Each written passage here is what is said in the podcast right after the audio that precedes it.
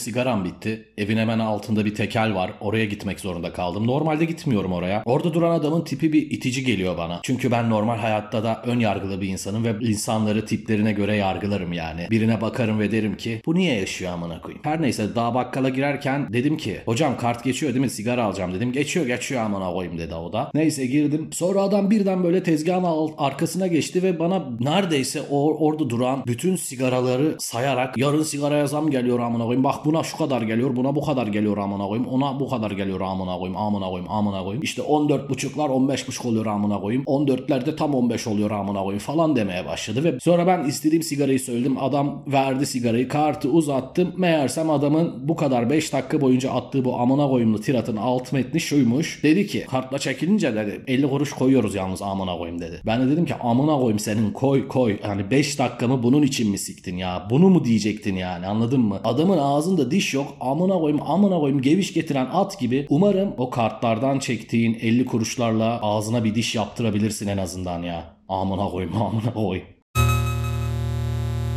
Bu korona illetinden önce hepimizin bir korkusu vardı deprem korkusu. O dönem sürekli deprem oluyordu bir yerlerde ve sürekli konuşuluyordu işte böyle büyük deprem geliyor. İstanbul depremi, büyük İstanbul depremi falan gibi böyle. Herkesi bir anksiyete sarmıştı. Sonradan bu anksiyete korona ile yerini değiştirdi. Yani o deprem anksiyetesi yerini koronaya çevirdi. Çünkü çivi çiviyi söker. Ama o binalar hala aynı binalar bu arada. Her neyse o dönem bir tiyatro oyununun provalarına gidiyordum ve, ve bazı geceler Üsküdar'daki evde yalnız kalıyordum ama deprem anksiyetesi yüzünden sabaha kadar uyuyamıyordum. Sonra uykusuz bir şekilde yine provaya gidiyordum. Bir gün arkadaşlarla buluşup bu depremi konuşmaya başladık. Yani ne olacak abi geliyor galiba ne yapacağız nereye saklanmalıyız falan filan. Asıl korkmamız gereken şeyin eğer yaşarsak depremden sonra o yıkım olacağını, o yıkımdaki yağmaların falan nasıl devam edeceğimizi, kaldığımız yerden nasıl devam edebilecek miyiz e, falan konuşmaya başladık. Bir arkadaşım vardı aşırı iyimser bir çocuktur. Yani hayattaki böyle bütün kötücül şeylerin içinde iyi bir taraf bulur. Her şeyden keyif almayı bilir. En ufak şeylerle mutlu olabilir falan böyle bir çocuktur.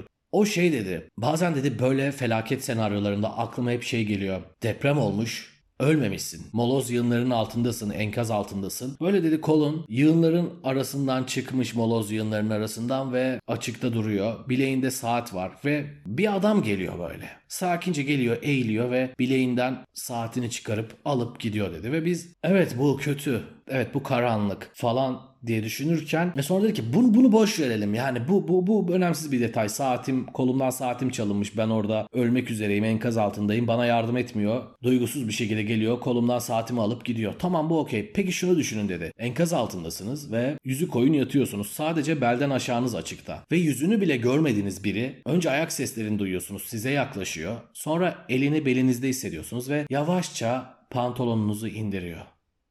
Hayatta bazı anlar vardır. Şöyle bir durup bakarsınız ve dersiniz ki neden amına koyayım neden? God save us moruk. Yani herhangi bir tanrı da olabilir anladın mı? Buda da olur. Buda da olur ama öyle bir felaket senaryosunda Buda'nın inayetle dolu yüreği, dünyalara evrene sığmayan sevgisi bizi o kötülükten koruyabilecek mi? Bize o kötülüğü unutturabilecek mi o sevgi? Yani o serçe romanında dediği gibi Tanrı küçücük bir serçenin bile yere düştüğünü görür. Ama serçe yine de yere düşer. İşte burada asıl sorması gereken şey bu. Yani devam edebilecek miyiz? Sonra bu arkadaşımın yani trileçe bile yediğinde hayat ne kadar güzel ya bak kelebekler aha kuşlar falan diyen bu arkadaşımdan böyle karanlık bir senaryo duymak beni çok mutsuz etti yani ve sonra düşündüm bu korkuların temelinde ne var diye çok düşündüm. Acaba erillikle alakalı bir şey olabilir miydi? Şu anda kıyamet sonrası bir şey yaşıyoruz. Yıkım var dünyada, yağmacılar, işte kanun yok, düzen yok. Bunu denetleyen bir mekanizma yok. İnsan olarak yalnızız ve ben erkek olarak bir erkek olarak sevdiklerimi korumak zorundayım. Sevdiklerimi,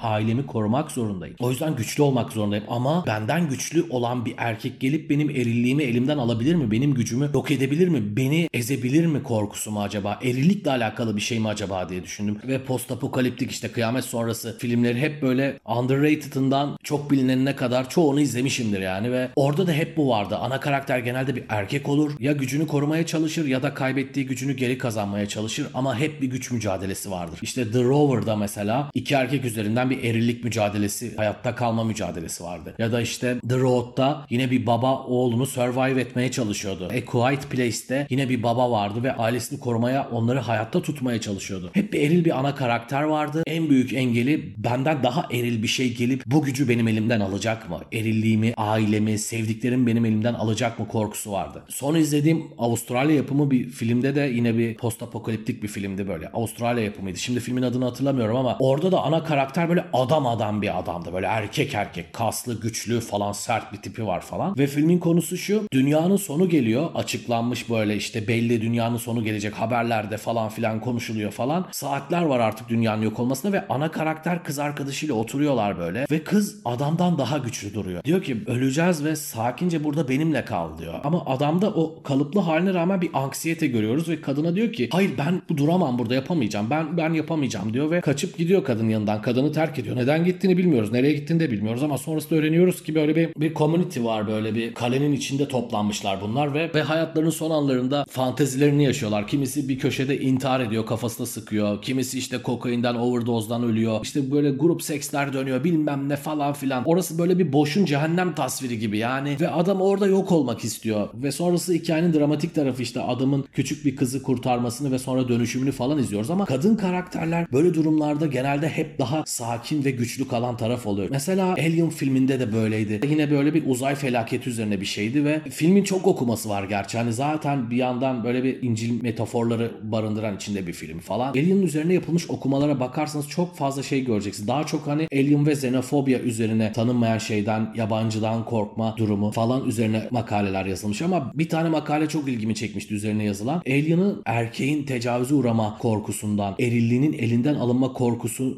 üzerinden anlatılan bir makaleydi. Hakikaten sonrasında Alien'ı resmeden adamın o yaratığın başının bir erkek penisi şeklinde adeta bir erkek penisine benzediğini görüyorsunuz ve yaratık yüzüne yapışıyor o mürettebattan birisinin ve sonrasında bu yemek sahnesinde bu adamın bu adam fenalık geçiriyor ve yemek masasında birden karnı parçalanıp yaratık karnından doğuyor. Yani adam aslında hamile kalıyor ve o yaratık onun karnını parçalayıp oradan çıkıyor ve bir yılan gibi uzaklaşıyor. O yaratıkla Alien'la savaşabilen tek kişi bir kadın Ripley ablamız. Bir tek o hayatta kalıyor. Her neyse ben bundan bahsetmiyordum. Yani olası bir olası bir felaket senaryosunda size tavsiyem şu. Kendinizi mental ve fiziksel olarak geliştirin. Yani ve hayatı boyunca kuru fasulye pilav yiyerek büyüyen dayılar gibi olmayın. Onların fiziğine sahip olursanız sıçarsınız. Çünkü onlar post apokaliptik bir düzende bile kendilerine bir yeşillikli bir park bulacaklar. O parkta götü göbeklerini açarak uzanıyor olacaklar. Bir yandan telefonla konuşuyor olacaklar ve muhtemelen ilk önce onlar ölecekler. Ve şunu yapın. Eğer orta sınıf bir ailenin çocuğuysanız ailenizi ziyaret edin. Onların karşısına oturun ve onlara şunu sorun. Yıllardır birikim yapıyorsunuz ve size kötü bir haberim var. Dünyanın sonu geldi. Umarım yeterince birikmiştir. Ulysses, James Joyce, bilim çakışı.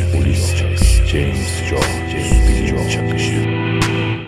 Yaşadığım şehirde bir adam vardı. Bu adamın hikayesi kulaktan kulağa yayılmıştı. Artık bir şehir efsanesi haline gelmişti. Bu adamın bir hastalığı vardı. Genetik bir hastalıkmış. İşte dedesinden halasına, halasından da buna geçmiş falan. Aradaki aile bireyleri yırtmışlar yani anladın mı? Ve genetik olan şeyler için ne derler bilirsiniz. Nothing to be done moruk. Adamın hastalığı şuydu. Adam yaşlandıkça kısalıyordu. Yani adamın boyu kısalıyordu. 30'larındayken bir Sivas Kangalı boyundaymış. 50'lerine yaklaştıkça da parmak çocuk kadar kalmış. Hatta bu hikayenin bir de spin-off'u var. Ne kadar doğru bilmiyorum araştırmak lazım. Bu hastalığın aynısından bu adamın dayısında da varmış. Dayısı böyle bir serçe parmak boyutlarında falan evin içinde dolanırken bir gün annesi yanlışlıkla üstüne basmış adamı öldürmüş. Hikayenin sonu. Bu adam her sabah uyanıp varlığına, doğumuna, neden bu dünyada olduğuna isyanlar ediyormuş. Küfürler savuruyormuş etrafa tamam mı? Tabii kimse duymuyor küfürlerini falan. Sinek vızıltısı gibi böyle kendi sesi duvardan sekip kendine dönüyor. Zaten adam evde kalmış yani küçücük, minicik anladın mı? Yani kimle evlenecek? Nasıl seks yapacak? Kara Fatma'yla mı sevişecek bu adam? Ne yapacak? Evde kalmış işte. Yaşlı anasıyla birlikte yaşıyormuş ve her sabah diyormuş ki ulan amına koyayım yani şurada millet 10 adımda şehir merkezine iniyor. Ben 1000 adımda evin dışına çıkamıyorum ya. Böyle hayat mı olur diyormuş. Yaşlı anası her sabah kahvaltıdan sonra Türk kahvesi yaparmış kendine. Bizim Lilliput'ta böyle yavru bir kedi gibi anasının paçalarından tırmanıp kucağına otururmuş. Bir gün annesi tezgahta telvesi çoktan kurumuş kahve fincanını eline aldığında gam telinin orta yeri ansızın titremiş ve dudaklarından sessiz bir çığlık kopu vermiş. Telvenin üzerine sanki bir kürdanla incecik kazınmış anladın mı? Donuk bir feryat gibi orada duruyormuş. Şöyle yazıyormuş. Üzerime kapat. Anası o gün çok ağlamış ama akşam üzerine doğru böyle gün batımında yüreğine karlar düşmüş, sakinlemiş ve sabah uyandığında gözünde soğuk yerler esiyormuş kadıncağızın. O sabah da diğer sabahlar gibi kendine bol köpüklü acı bir kahve pişirmiş ve minik yudumlar alarak uzun uzun içmiş. Daha önce içmediği kadar uzun bir sürede bitirmiş o kahveyi. Sonra fincanı ayaklarının dibine bırakmış ve arkasını dönmüş. Evin içi o kadar sessizmiş ki biraz sonra oğlunun yaklaşan minik adımlarını duyabilmiş kadın. O zaman işte gözlerinden ılık yaşlar düşüp kuru dudaklarına değmiş ve yaşlı kadın ansızın arkasını dönüp fincanı ters çevirmiş. Son gördüğü oğlunun kestane rengi saçlarıymış. Sonra onu kibrit çöpü kadar bir tabuta koyup körpe bir fidanın dibine gömmüşler. Kıssadan ise less is more but short is short. Oğlan kıza bakıyor ve diyor ki benim çok sevdiğim bir aktris var. Cara Delevingne. Sen ona benziyorsun. İyi de benim adım Büşra diyor kız. Yani sen bana Büşra diyebilirsin. Ben de Selim. Büşra, Selim, Büşra, Selim. Tamam artık tanıştınız. Saçları mı benziyor gözleri mi diyor kız. İkisi de diyor oğlan. Ya sen yine de bana Büşra dersin. Olur. Yağmur çiseliyor ve birlikte gök kuşağının altından geçiyorlar. Ufukta güzel kokulu çamlar bir çizgi halinde uzanmış. Sonra kız dönüp diyor ki benim Kara Delevin olmam imkansız. Çünkü ben genelde kendimden nefret ederim. Oğlan bir süre sessiz kalıyor ve ölümcül yaralara iyi gelecek bir teselli düşünüyor. Sonra da diyor ki ben de otistiyim. Çocukken ucube derlerdi bana. Kendi etrafında dönen şeylere takıntım var. Kız inci gibi dişleriyle gülümsüyor. Sonra da diyor ki kendi etrafında dönen şeyleri açıkla bana. Yani dalından düşen her yaprak kendi etrafında döner diyor olan. Başka? Dünya. O zaman diyor kız hepimiz yani her şey kendi etrafında döner. Sonra kollarını iki yana açıp başını göğe kaldırıyor ve dönmeye başlıyor. Kendi etrafında dönen bulutları ve kuş sürülerini görüyor kız. Zaman da kendine döner o zaman. Hatta insan bile. Oğlan ayağıyla nemli toprağa işeriyor o sırada. Ondan pek emin değilim ya. İnsan galiba buraya dönüyor.